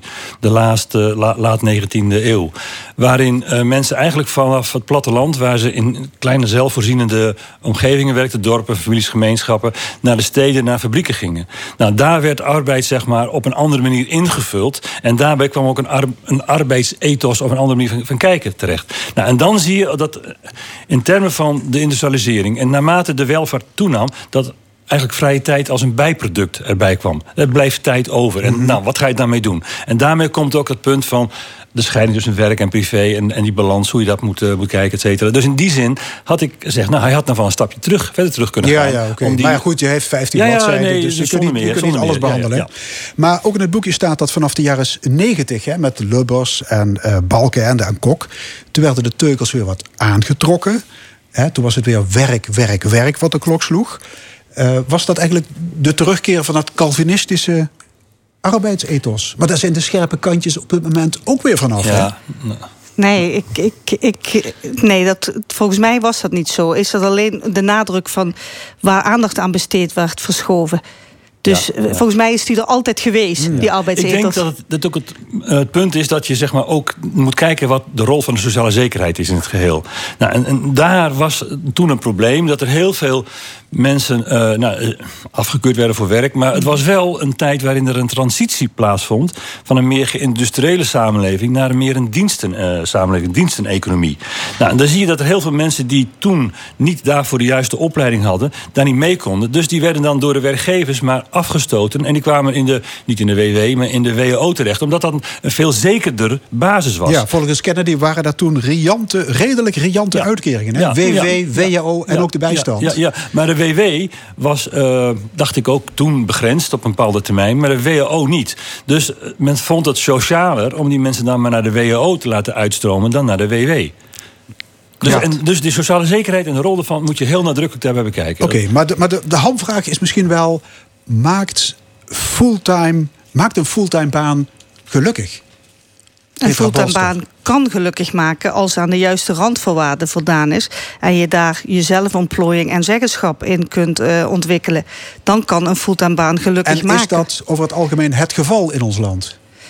Dat weet ik niet eh, of dat zo is. Als ik hoor, hè, ik hoorde de verplegers, eh, de, net werd er gezegd in het onderwijs, het lijkt af te nemen. En dat is een, een, een kwalijke tendens, vind ik. Wat zijn de voordelen van betaalde arbeid? Nou ja, dat je iets te besteden hebt, dat lijkt me evident. Dat je aan je bestaanszekerheid kunt voldoen. Ja, dat je een huis hebt, eh, een dak boven je hoofd. Maar ook dat je je kunt ontplooien en ontwikkelen. Meneer kan nog iets aan toe te voegen? Voordeel van Nee, zijn. ik denk, ik denk met name dat punt dat je in je eigen inkomen kunt voorzien. wat mensen, mensen zelf waarde geeft. en dat het ook degen geeft dat je op die manier een bijdrage levert aan de samenleving. Dus het element van bijdrage aan de samenleving. wat na de Tweede Wereldoorlog zo nadrukkelijk voorop stond. staat nog steeds voor mensen voorop. Ze kunnen hun inkomen verdienen, maar ze hebben ook een rol en een plaats in de samenleving. En hebben het gevoel daaraan bij te dragen. Als je goed kijkt naar wat mensen die het werk niet hebben. bijvoorbeeld mensen die werkloos zijn. of eh, ongeschikt voor werk afgekeurd, et cetera die klagen erover dat ze dat soort dingen vaak missen. Dus dat is nog steeds heel belangrijk. Ja, er is nu ook een boekje verschenen van een sociologe met als titel Werk is geen oplossing. Zij zegt: Werk in een kapitalistisch systeem is altijd uitbuiting. Iedereen is moe, niemand heeft tijd. Waarom doen we nog mee aan deze rat race? Petra Bolster. Ja, dat is wat ik zeg. Als het een rat race wordt, dan is het niet meer grappig voor mensen natuurlijk. En op het moment dat je zelf beschikking hebt over zaken... dan is het ook geen rat race meer. En dan heb je die bijdrage aan de maatschappij inderdaad. Maar En in deze tijd moeten toch ongeveer alle werknemers scoren en presteren? Dat bedoel ik. Dus daar, dat moeten we dan met z'n allen veranderen. En scoren en, en presteren hoeft niet per definitie ook te betekenen... dat je in die rat race zit, zal ik maar zeggen. Maar dat ligt eraan van hoe, welke eh, basisbehoeften die jij hebt... je in dat werk kwijt kunt. Ja, ik denk dat belangrijk... arbeidspsycholoog. Ja, ik denk dat een belangrijk element hier is dat eh, onze hele samenleving momenteel eh, gericht is op efficiëntie, efficiëntie, efficiëntie. Mhm. Alles moet eh, met zo weinig mogelijk kosten. Dus zo efficiënt mogelijk. Nou, en dat zie je ook, wat er in organisaties gebeurd is, dat met name in de jaren negentig heel veel mensen, zeg maar. Uitgestoten zijn. En als je goed kijkt hoe dat gebeurd is... dan zijn doorgaans de lager opgeleide, de lagere loonschalen zijn er uitgedrukt. Het werk is niet verdwenen, maar de mensen zijn verdwenen. Dat betekent dat de hoger opgeleiden, of de mensen die er wel overbleven... dat werk erbij moesten nemen. Als ik een voorbeeld geef van mezelf... eh, mijn, mijn taak is natuurlijk onderzoek doen, onderwijs geven... maar eh, wij hadden vroeger zeg maar, heel veel eh, ondersteunend personeel. Dat is allemaal weggegaan. Dus nu moet ik heel veel administratieve dingen zelf gaan doen. En dat geldt niet alleen voor mij, dat geldt voor professionals in zijn algemeenheid. En dat betekent dat mensen ook die hoge werkdruk ervaren. Ja. Het is niet alleen hun eigen taken, maar het is ook de taken van de mensen die er destijds uitgeduwd zijn. We hebben weliswaar een computertje gekregen en zeiden, nou, dan wordt het makkelijker, maar het moet wel gebeuren. Nou, en dat heeft te maken met die toegenomen intensiteit van werk. Ja, nog een citaat van die sociologe. Dat iedereen moet werken, harder, meer, is haast een morele verplichting. Waar houdt dat op? Veel dingen die belangrijk zijn, schieten erbij in. Voor elkaar zorgen, voedsel bereiden, een luisterend oor bieden. Nou ja, dat is wel een punt. Eh, ik, denk dat we. eh, kijk, ik ben niet eens met de stelling arbeid. Want als je het heel sec gewoon bekijkt, het is gewoon een, een, een markt. Je verhuurt je tijd aan een werkgever en daar staan bepaalde regels voor. Maar ik zie wel dat er in de samenleving ook een druk is om zeg maar. eh, ja, zo goed mogelijk te werken, eh, zo mooi mogelijk werk te hebben. En nou, dat soort dingen meer. Dat is tegenwoordig in de laatste tien jaar wel heel erg toegenomen. Want we bij, bij Maar, elkaar maar dat is toch ook belangrijk om tijd over te houden voor, voor je kinderen, voor hobby's, voor vrijwilligerswerk, Nou, Ik denk dat het reisjes. uiterst Dat is toch goed voor de levensvreugde? En bovendien, bovendien is het ook een eh, maatschappelijke verwachting die op mensen gezet wordt. Hè? Als, je kijkt, als je kijkt naar de voorzieningen die er in Nederland zijn. En bijvoorbeeld zorgtaken voor mensen die ouder zijn of ziek zijn. Hè? Mantelzorgtaken. Mantelzorg. Dan wordt dat steeds meer eh, eh, bij mensen thuis neergelegd. En dat moet je er allemaal even bij doen. Dus dat ja, moet je dat allemaal is weer een kunnen gevolg combineren. van sociale zekerheid en hoe de samenleving Ja, ingericht is. Dat er zeg maar geen verpleeghuizen is, dat er de zorg zeg maar, bij de mensen neergelegd is. En daar, dat vind ik ook wel dat eh, James Kennedy dat goed aangeeft. Dat eh, in het laatste hoofdstuk. Ja, de nou, schrijver van het essay aan ja, het werk. Ja, Ja, ja. Nou, dat je moet afvragen of eh, de, onze samenleving en vooral arbeid nog wel inclusief is. Ik denk dat door de toenemende complex eh, worden van arbeid, de toenemende intensificering, er steeds meer mensen noodgedwongen langs de kant komen te staan. En nou, dat raakt ook aan de problematiek die we nu zien: hè, te grote tekorten in de zorg, in het onderwijs, et cetera. Maar we doen het onszelf. We hebben het vaak over het begrip mensen met een afstand tot de arbeidsmarkt. Maar ik vind dat niet juist. Ik denk dat de arbeidsmarkt een afstand genomen heeft tot mensen. Door de ontwikkelingen die de laatste decennia Ja, zijn veel geweest. vaste banen zijn vervangen door flexwerk Precies. bijvoorbeeld. Ja, ja, ja. ja. Eh, en hoe funest zijn die tijdelijke contracten voor met name jongeren? Nou, funest. in kunnen het- geen hypotheek meer krijgen. Voor zover een woning al überhaupt te betalen is. Bijvoorbeeld, maar het heeft ook te maken met eh, de betrokkenheid bij je werk. Of er nog in scholing bij jou geïnvesteerd wordt. Of je kunt doorgroeien. Dus het heeft op veel meer aspecten nog invloed dan alleen het salaris. En eh, dat is ook niet goed, in, mijn, in onze ogen ook niet goed voor de hele maatschappij. Want die, ze, ze worden dan aan de zijkant geparkeerd, eh, eh, terwijl ze hard nodig zijn. En je zei net hè, van de diensten, de omslag naar de dienstensectoren. En we gaan er nu eentje zien naar de technologische ontwikkelingen. En wat, is dat, wat heeft dat dan van invloed op mensen als mensen niet meegenomen worden in die ontwikkelingen en geen zeggenschap hebben over bijvoorbeeld de vraag: wat wordt er geautomatiseerd, wat wordt er niet geautomatiseerd, hoe gaat mijn werk in de toekomst eruit zien? Van de leraar tot de fabrieksmedewerker. En daar moeten mensen gewoon meer in kunnen participeren. Nou ja, in, de, in de tussentijd, deze hele flex-economie, dat eh, legt de wortel aan de basis van de zekerheid van mensen. Al die dingen die we zo belangrijk vinden, inkomen, st- bestaanszekerheid, maar ook autonomie, zelfstandigheid, employment, worden daarmee weggehaald. Dus het heeft een zeer funeste uitwerking Ja. op de samenleving. Het zit er dik in dat eh, door robotisering, digitalisering, automatisering... veel werk in de toekomst eh, overbodig zal worden. Is dat een zegen? Nou, ik, mag ik, ik, ik denk. Niet-? Ik denk, er zal misschien bepaalde activiteiten en taken overbodig worden. Maar er zal altijd behoefte zijn aan mensen die werk doen. Dat hebben we eh, ook in de jaren tachtig gezien. Dat eh, machines werden vervangen door eh, robots. Ja, en de verwachting was, dan kunnen we ons overgeven Ja. aan het goede leven. En dat is dus niet gebeurd. Dat is een, zeg maar, een, een illusie gebleken. En dat zal nu ook weer zijn. Er zal altijd werk zijn. We zien wel dat werk verandert. En wat voor andere werkzaamheden er zijn. Eh, dus andere banen, eh, zeker in relatie tot de technologie. Maar werk zal altijd nodig zijn. Anders kan deze samenleving niet draaien. En dan, dan heb je dus nodig dat mensen niet aan de zijlijn komen te staan, maar meegenomen worden in die veranderingen. En dan moet je dus nu mee beginnen. Niet op het moment dat eh, die technologie wordt doorgevoerd en dan werkgevers staan van ik heb geen mensen. Nee, als je daar niet van tevoren in investeert, dan zit je nu met een krapte op de arbeidsmarkt bijvoorbeeld. Ja. ja, maar die James Kennedy die komt tot de slotsom.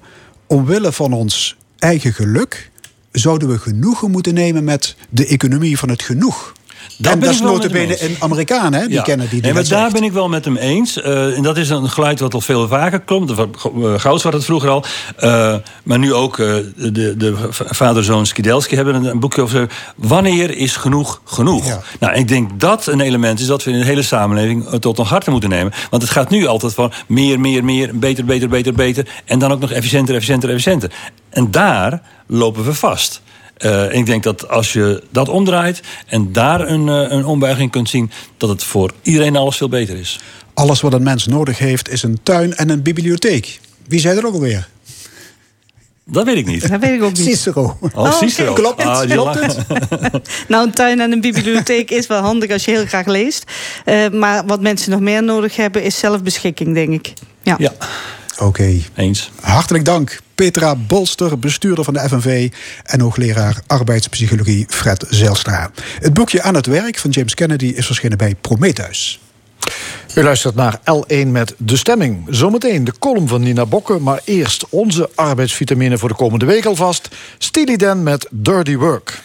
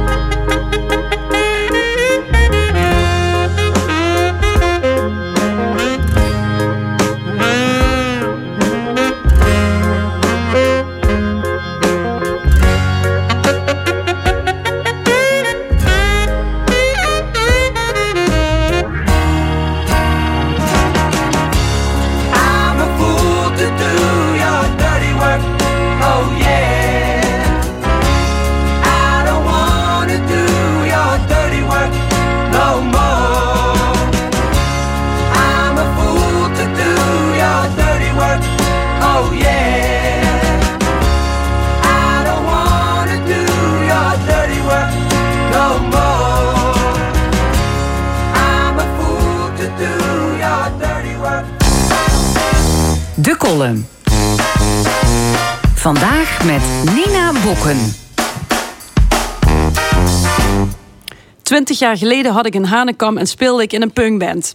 Ik bezocht soms concerten in kraakpanden waar veganistisch werd gekookt en waar woningen voor vluchtelingen werden gerealiseerd. Ik verdiepte me in de macht van multinationals zoals McDonald's, Shell en Monsanto, die het milieu en de gezondheid van burgers moedwillig in gevaar brengen. En regelmatig nam ik deel aan demonstraties. Tegen de oorlog in Irak, voor betere klimaatdoelen, tegen kruisraketten en tegen een imam die in Nederland verkondigde dat homoseksuelen van een flat moesten worden afgedonderd. In de massale demonstraties tegen de oorlog liepen mensen mee uit alle lagen van de bevolking. Burgers die solidair wa- waren met mensen elders op de planeet en met elkaar. Naar punk luister ik nog steeds, maar de Hanekam heeft plaatsgemaakt voor een burgerlijke knot. Daarmee viel ik gisteren in ieder geval niet op toen ik per ongeluk in een demonstratie tegen de coronamaatregelen belandde. Het was een vreemde gewaarwording. Ergens deed het me denken aan 20 jaar geleden, maar toch klopte er iets niet. Ironisch dat dat ook de slogan was op de stickers die nu overal waren geplakt. Her en der voorzien van nog een postertje met een QR-jodenster. Het viel me op hoe weinig jongeren er waren, terwijl er bijzonder veel vrouwen van middelbare leeftijd rondliepen. Een hele groep zelfs, die vroeger zo te zien maar met een half oor naar Ramse Shaffi hadden geluisterd. Op hun gele paraplu was met stift Zing, dans, leef en knuffel geschreven. Opgelukt met oneindig veel hartjes. De muziek die werd gedraaid deed me ook maar weinig denken aan vroeger tijden. Toen protestliedjes, nu top 40 kitsch. Toch had het ook wel weer wat moois. Het was een gemoedelijke bijeenkomst waarbij Marie-José en tante Annie zij aan zij stonden met Destiny en Samantha. Hendrik en Jan Willem droegen dezelfde ballonnen als Ricardo en Michael, namelijk die van Forum voor Democratie, de partij die dit soort demonstraties tegenwoordig kaapt. De slogans maakten een razendsnelle ontwikkeling van liefde en vrijheid naar weg met de dictatuur, geen Great Reset en NOS is fake news. Daarentegen werd wel het gratis krantje Gezond Verstand verspreid. Een blad dat wordt gefinancierd door olie- en aardgaslobbyist Jan van Aken. En dat bol staat van pro-Russische propaganda. Mensen die mijn ouders hadden kunnen zijn, liepen er achteloos mee rond. Maar geen solidariteit met onze zorgmedewerkers, die met meer werk en risico genoegen moeten nemen met een eenmalige bonus van een paar tientjes. Geen verontwaardiging over Siebert van der Linde, die over de rug van diezelfde mensen wegliep met 9 miljoen in zijn zak. Geen zorgen over mensen die geen woning meer kunnen betalen. Of onrust over de gaslobby waar Rusland een dikke vinger in de pap heeft. Geen verontwaardiging over de Nederlandse banken die buitenlandse wapenhandel financieren. Of boosheid over genetisch gemanipuleerde gewassen en landbouwgif dat insecten doodt en onze grond verontreinigt. Geen licht aan het einde van de tunnelvisie. Te midden van de demonstratie zag ik een gezin staan dat zich ook zorgen maakte over wat voor rotzooi er in hun lijf terecht zou komen. Een kind van een jaar of acht hield een ballon vast van Forum voor Democratie aan een kartonnen bord waarop stond: Ik wil naar McDonald's. De nieuwe revolutionairen hebben hele andere prioriteiten. De column van Nina Bokken. Laatste onderdeel van de stemming is het discussiepanel. Dat bespreekt in het oog springende actualiteiten. Vandaag over onzekere veeboeren, rellende voetbalsupporters en lange files. Rond de tafel de oud-Kamerleden Monique Quint van de PvdA... Jan de Wit van de SP en Karen Leunissen van het CDA. Ja, Nederlandse boeren die zijn hun geloof in de overheid volkomen verloren. Ook het CDA heeft afgedaan en zou bij verkiezingen nauwelijks nog stemmen van de boeren krijgen.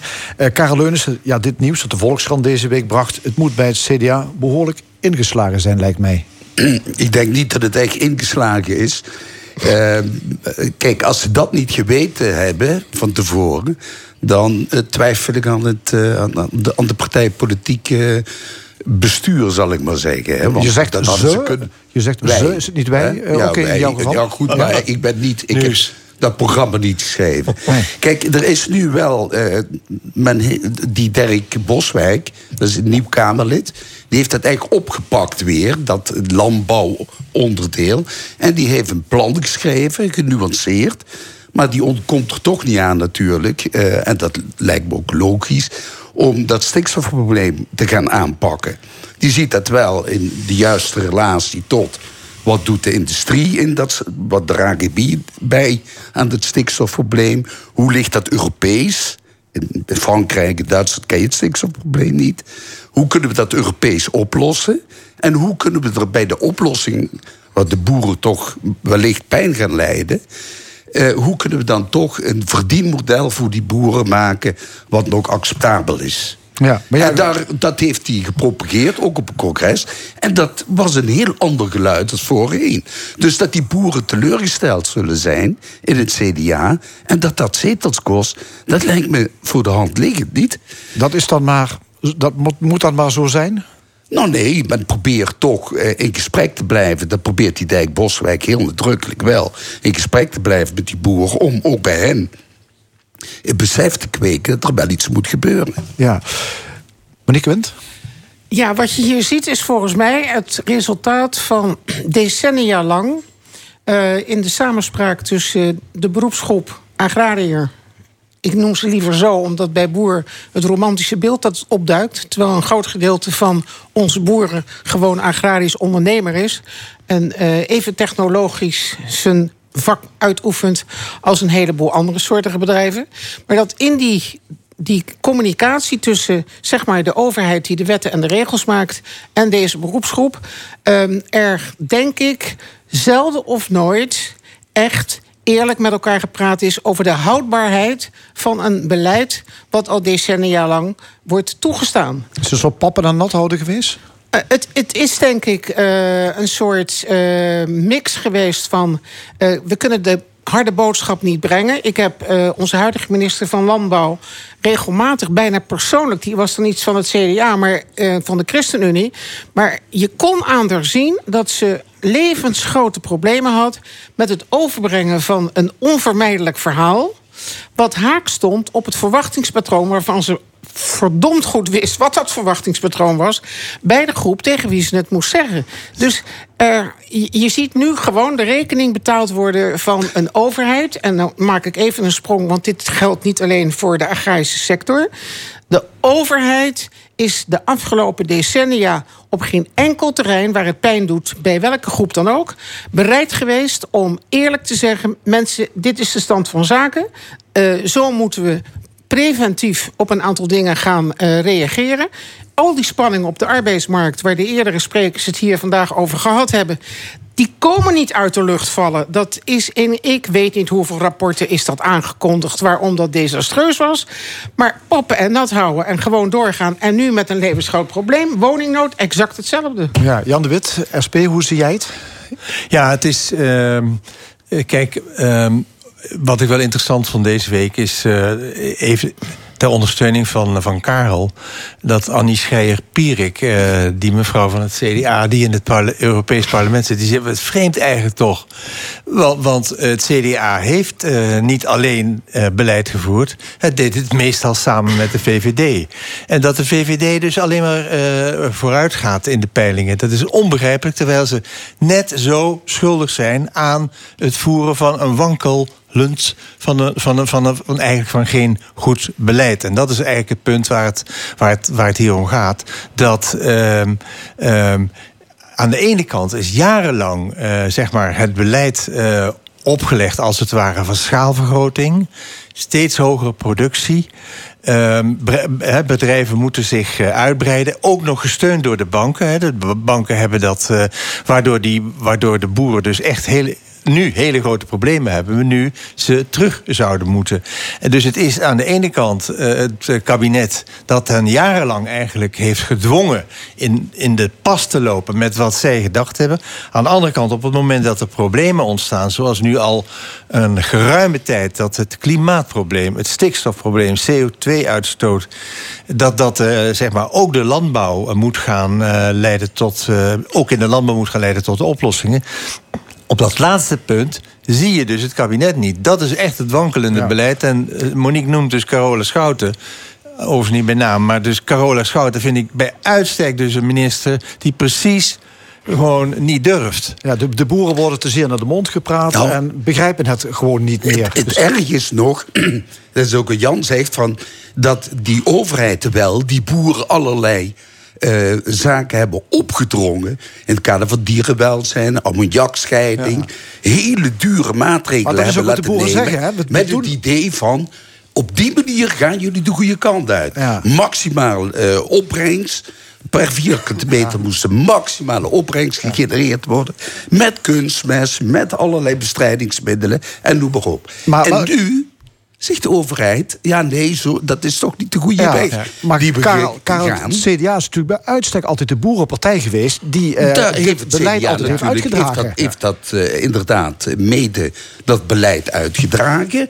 Op het moment dat ze eh, deelgenomen hebben aan de regeringen... waar zij ook vaak de, de verantwoordelijke minister leverden.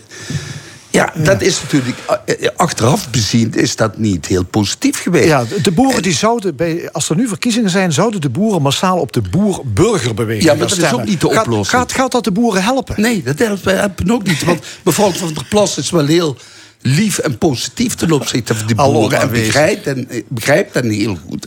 Maar ook zij kan het probleem, ze hard ingrijpen of ingrijpt, niet oplossen. Ja, maar, waar- waar- maar wat, je, wat je daar ziet, nou, Monique nou, nou, ja? nou die naam genoemd wordt. Caroline B- van der Plas. Ja, Ja. BBB. eh, dat onthoud ik altijd een stuk eh, makkelijker. Ehm, zie je ook wat media doen, hè? Neem me niet kwalijk. Eh, ik kijk echt zeer weinig Nederlandse televisie, moet ik eerlijk oplichten.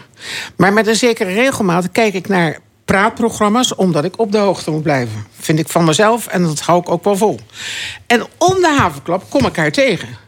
Eh, en ongeacht bij welke omroep ook nog. Dus het maakt helemaal niet uit of het WNL is... of het is eh, de combinatie KRO. En ze, maakt niet uit, ze zit er en ze houdt haar verhaal. Ehm, dus ik zit me voortdurend af te vragen... wat en Jan had het er ook al over. De VVD is bij uitstek minstens zo'n boervriendelijke partij al jarenlang als het CDA. En toch slaagt de VVD er voortdurend in.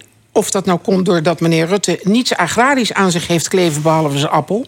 eh, om dat beeld te vermijden. Ik weet, ik weet het ook niet. En deze mevrouw BBB, ik heb er al een paar keer naar zitten luisteren. Dan denk ik, het lijkt wel alsof ze het eigenlijk over iets anders heeft. Ze heeft het over het landschap en ze heeft het over het platteland... en ze heeft het over de, de, de, de ruimtelijke ordening rond de steden.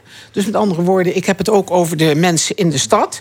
En dan denk ik, er is dus blijkbaar een communicatiestijl die het mogelijk maakt dat in de afgelopen jaren één partij voortdurend alleen geïdentificeerd werd met deze beroepsgroep. Terwijl als je heel kritisch kijkt, luistert en leest, dan zie je dat er natuurlijk veel meer daders in dit verhaal zitten. Maar ik denk dat ze zich- ik denk dat ze, eh, dat is het vreemde in dat onderzoek. Ik ik denk dat die BBB zich eh, eh, rijk rekent. Eh, dat geldt overigens ook die nog radicalere fars, eh, force. die Farmers Defence Farmers Force. Defence Force. Een beetje, ik gooi alles door elkaar. De Farmers Defence Force. Eh, omdat uit datzelfde onderzoek blijkt dat zij denken dat alle boeren achter hen staan. Maar als je dus goed kijkt, dan, dan verschillen ze essentieel op een aantal punten. Zoals het klimaatprobleem. Dat wordt dan eh, zeg maar door, eh, door die organisaties, eh, nou ja, zeg maar nog niet ontkend, maar toch heel erg afgezwakt. Terwijl onder de boeren ook grote zorg leeft leeft omtrent het klimaat, omtrent de stikstof, ook grote zorgen eh, leven. En dat zie je dus ook dat. eh, ook in datzelfde onderzoek tot uitdrukking komt dat de boeren best wel, een deel van de boeren, laat ik het zo zeggen, best bereid is om heel anders te gaan eh, Ja? werken. En als je, maar als je daarop aansluit, hè, Jan, dan, dan zie je dus ook iets merkwaardigs. Er zijn dus nogal wat gra- agrariërs die de afgelopen al langer 10, 15 jaar bezig zijn met alternatieve manieren om een heleboel producten aan de markt te leveren. Maar onze ministers van Economische Zaken en Financiën doen geen donder aan het probleem wat er dan ontstaat. En dat is dat hun producten vele malen duurder zijn als die van de massaproductie. En wat je dus ziet, dat is dat die constructief meedenkende en ook eh, allerlei eh, pogingen doen om het anders eh, op de markt te brengen, Hmm. dat die niet geholpen worden, maar dat die tegengewerkt Ja, en worden. dat zijn, om- is niet Ja. alleen het kabinet of de regering, maar dat zijn ook de banken. Klopt. Eh, ik heb voor, vorige week Vroege Vogels. Ik weet niet of iemand van jullie daar ooit naar luistert. Maar bij Vroege Vogels was een item over een boer. die gewoon heel anders eh, zeg maar de, het boerenbedrijf wil gaan opzetten. Veel verantwoorder, veel duurzamer. Krijgt bij de bank geen cent. Want dat levert niet voldoende winst op, zeggen die lui daar. Maar, maar dat is zo net het probleem, dat, dat ook Europees is die landbouw zo dramatisch verschillend. Van land tot land. Klopt. En gaat de overheid de, totaal anders met die, met die boer om. Kijk, ook daar moet een, een, een gelijk speelveld komen. En een verdienmodel wat voor heel Europa geldt. Ja, maar wat, wat En als dat niet gebeurt, dan, dan zijn die boeren Nee, hier... nee dat begrijp, dat begrijp ik. Maar, Ja, maar het blijkt dat die boeren kant, dat die eh, dus totaal geen vertrouwen meer hebben in de overheid. Ja, maar ze Wat gaat- alleen- alleen maar Ja, maar wat Ja, gaat dit betekenen? Want we moeten wel met die boeren natuurlijk de omslag maken. Maar die hele sector zegt we hebben geen vertrouwen meer in de overheid. Nee, nee, Kiest drama- voor een radicale het- ja, groep als het drama Farmers Defence is- Force. Wat gaat dit betekenen? Hoe kun je dit probleem oplossen? Het drama is dat zowel de goedwillende boeren... die al jarenlang bezig zijn om aan te tonen en te bewijzen dat het anders kan... dat vertrouwen verloren hebben in een overheid die op geen enkele wijze ook... eh, Want, want je kan zeggen, de banken, inderdaad... maar die banken die stemmen zich af op wat ze via de internationale kapitaalmarkt... voor risico's zien als ze daar geld in stoppen. Dus de overheden blijf ik aanwijzen als jullie zijn als eerste aan zet. Als jullie vinden dat in het kader van het nakomen van de klimaatakkoorden het belangrijk is dat we op een andere wijze ons voedsel laten verbouwen, dan moet je zorgen dat dat loont. En zolang dat niet loont en alleen maar tot faillissementen leidt, omdat die boeren dat niet rondgebreid krijgen, begint niemand daarmee aan. En dat is waardoor zowel de ene soort als de andere soort in de agrarische sector zegt: overheid, ik heb er geen cent vertrouwen de, bal, in. de bal ligt bij de overheid. Ja, natuurlijk. En er is ook een gedeeld belang. Hè? De overheid moet ook zorgen dat er voedsel geproduceerd wordt op een verantwoorde wijze. En die boeren die voeren dat uit. En die proberen met dat werk, wat ze doen, ook een inkomen te verdienen wat, wat hen in staat stelt om een beetje te kunnen leven. Ja, maar, maar, als je nou kijkt naar de grote, de grote supermarkten... Hè, want dat is natuurlijk ook een partij die in dit verhaal... een gigantische Prijzen. rol speelt... eh, die eh romen ook het inkomen van de Ja, leveranciers van al Ja. dat voedsel af. Want de, de percentages van het product waar je de prijs voor betaalt als consument... waar uiteindelijk alleen maar die multinationale Albert Heijnen van ons eh, geld mee verdienen... die zijn fors. Als je dat vergelijkt met wat een boer eraan overhoudt. Of in ieder geval een producent van voedsel. En dan denk ik, en wie staat dat toe? Dan gaan we weer. Dat zijn internationale spelregels die te maken hebben met belastingheffing. Maar dus die, die, Jan de Wit, bij, tot bij, uitstek, bij uitstek dit probleem, en dat zie je ook in het andere onderwerp van vandaag, de files. Al die zaken hangen met elkaar samen. De natuur, de landbouw, de woningbouw om dan maar eens te, en het transport. En de hangt belastingen. alle- en op, wat, wat zien we dus? Er is geen plan van de overheid. Je zou, Geen visie. Je zou dat dus in evenwicht moeten, moeten, moeten eh, samenstellen. Zodat inderdaad, kijk, dit is nou een visie van dit kabinet. Een van deze, plan. En dan kan je vertrouwen proberen te herstellen. Maar, Ja. niet, Maar niet zo. door dan dit en dat. En die boeren, echt, dat blijkt volgens mij uit dat onderzoek. Er zijn voldoende boeren die zeggen: Ik wil inkrimpen. Ik wil verplaatsen. Ik, Ik wil, stoppen met mijn bedrijf. Maar dan moet de overheid wel met een plan komen. Waarvan dan een onderdeel natuurlijk is een schadeloosstelling. Dat is vanzelfsprekend. We gaan naar een ander onderwerp. Het geweld van voetbalsupporters is weer opgeleid. De agressie voor, tijdens en na de wedstrijd, knokpartijen, politie die wordt aangevallen, bier gooien, illegaal vuurwerk, kwetsende spreekhoren, heeft dit seizoen ernstige vormen aangenomen. Er wordt gezegd dat komt door de coronamaatregelen. Die hebben gezorgd voor korte lontjes. Dat zijn opgekropte frustraties. Wat vinden jullie van die verklaring?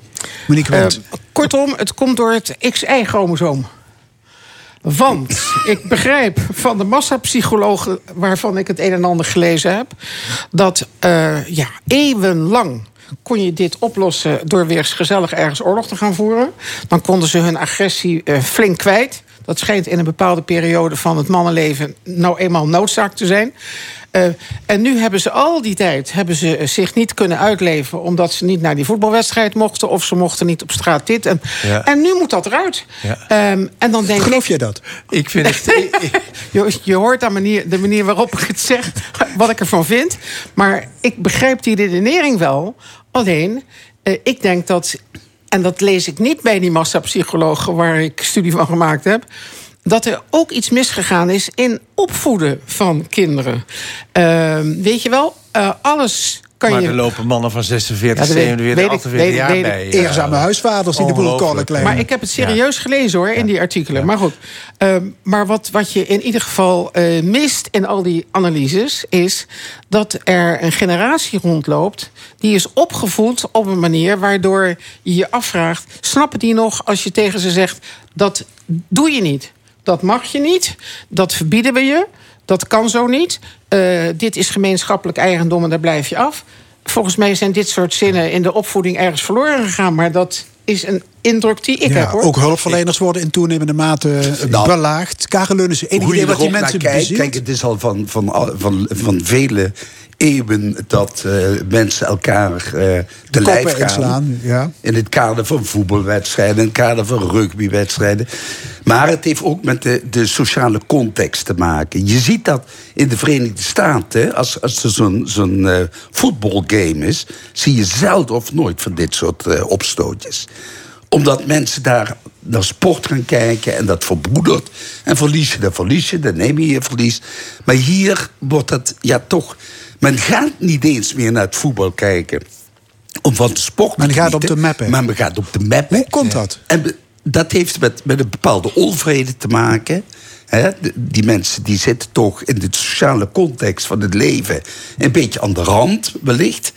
En die moeten toch op een of andere manier hun frustratie kwijt. En die gebruiken dat eh, om, om te gaan mappen bij zo'n zo'n voetbal... Na of voor zo'n voetbalwedstrijd. En Ja. daar zit totaal geen ratio achter natuurlijk. Dat is volslagen belachelijk. Jan de Wet, hoe moet je korte metten maken met dit hooliganisme?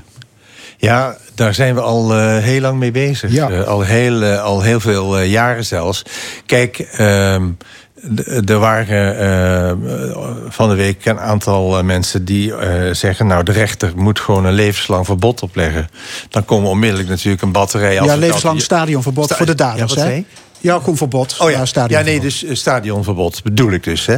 Ja. Nou, dan zeggen er dus een, een batterij advocaten, ken niet, dat kan niet, hoor. Er is eh, strijd met dit en we. Het is elke keer hetzelfde eh, geneuzel. Het punt is gewoon, de, de rechter kan een stadionverbod opleggen... of dat nou levenslang is of minder. Maar in ieder geval, dat kan de rechter. En ook de clubs zelf, kunnen, die hebben ook de mogelijkheid... om stadionverboden eh, op te leggen. Dus die kunnen gewoon een aantal eh, maatregelen al nemen op dit moment. En eh, het is alleen zo dat eh, dat niet altijd eh, zo heel, eh, zeg maar, hoe heet het, consequent gebeurt. Maar die mogelijkheid, die is er natuurlijk. Ja, En Hubert, in- Hubert Bruls, hè, de burgemeester van Nijmegen, hè, zijn club is NEC... die zei deze week, ik wil dat supporters en de clubs hun leven beteren... en hun morele kompas beter afstellen. Dus hij noemt uitdrukkelijk de clubs. Die kunnen dus ook meer doen om dit geweld Ja, maar te beteugelen. Maar het is een verlengde arm van zo'n club, hè, die, die supporters. En als zo'n club veel meer contact zou houden... en veel meer met die mensen een beetje zou socializen... om ze bij de club te betrekken. Want het schaadt de club natuurlijk ook enorm... als ze eh, gaan batten en allerlei ernstige zaken veroorzaken bij zo'n vechtpartij. Dat, dat kan de club ook hele ernstige nadelige gevolgen Ja, bij, bij die derby NEC Vitesse was een levensgroot spandoek te zien... met als tekst pure haat. Anders niks, pure Ja, maar haat. het gaat dus echt veel verder dan alleen het hooliganisme in de, in de voetbalwereld. Ehm, als je bedenkt met welk gemak eh, twee jongetjes van 15 en eentje die een paar jaar ouder eh, bleek te zijn. eh, iemand die zij op de een of andere manier beschouwen als waardeloos of zo. Tenminste, dat is de indruk die ik eh, in het artikel kreeg. Die duwen ze onder de tram. Dan denk ik bij mezelf, wat, wat is dit? Dat heeft dus niks met voetbal te maken. Er is dus een soort mentale instelling bij een grote groep mensen die ik alleen nog maar kan volgen als ik bedenk dat ze niet het idee hebben dat de samenleving Ja. van hun is. En als dat aan de orde is, dat we dus te maken hebben met een hele grote groep mensen in onze maatschappij die zich op geen enkele wijze meer betrokken voelt bij die maatschappij, die is niet van hun, want die laat hen ook links liggen. Of ze voelen zich slachtoffer van wat voor situatie dan ook. En is dit een uiting van agressie jegens een entiteit die hen wegduwt? Dan duwen ze terug. Ehm, en wat ik nu zeg, dat geloof ik wel. Want dit is eeuwenoud, dit fenomeen. Dat mensen zich zo gaan gedragen als ze zich uit. Ik bedoel, de Franse Revolutie is gemaakt door mensen die zich in Frankrijk niet meer zagen als degene die er blijkbaar bij hoorden. Want ze hadden niks en ze hadden honger. En ze, kortom, ze hadden geen dak meer boven hun hoofd. En op een bepaald moment loopt dat spaak. Maar het ligt natuurlijk wel veel. eh, Het probleem ligt eh, veel dieper. eh, in feite. Dat, Nou. dus dat jongeren zich zo gedragen, ouderen zich zo gedragen. Dat het gewoon onvoorstelbaar is wat je leest. Wat mensen doen met, eh, met eh, hulpverlening. Dat ligt dus veel dieper. Dat gaat dus terug natuurlijk tot de opvoeding in het gezin. Ja, nou, begin, dat er maar aan. Maar dat is ook het onderwerp van, van vandaag, het onderwijs. Dus dat, dat, dat in het onderwijs natuurlijk ook eh, ongelooflijk moeilijk is om, laten we het maar het ouderwetse woord, normen en waarden bij te brengen. Dat is een ongelooflijk probleem. Als we zien de, de rol van de media op dit moment. Ah, De, de, de kranten staan vol over een Koreaanse eh, eh, vreselijke Ja, eh, krankzinnig. televisieserie of film. Squid Game heet dat, Ja. geloof ik. Als je ziet wat, wat, wat, wat kinderen van, het, van de lagere school zien aan geweld. Gewoon mensen afmaken eh, in zo'n film. Dan, dan, dan, dan, dan leidt dat vanzelfsprekend Ja, tot ja, een normaal Ja, maar dat patroon. het ook al heel Dat- lang, Jan. Ik- Door maar maar dus als je het mensen hebt ook over voor de leeuwen aanpakken- geworpen.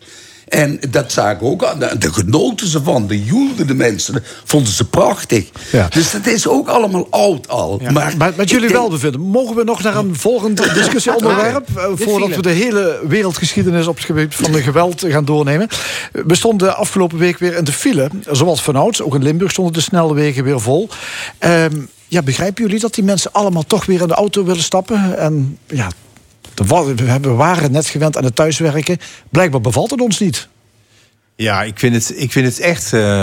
ik- dit is, vind ik dus enorme teleurstelling. Eh, dat klinkt een beetje, beetje half, half eh, zacht of zo. Maar wa- wa- wat, wat je dus in de coronatijd, hè, waar we het hier ook vaker over gehad hebben in, in dit discussieprogramma.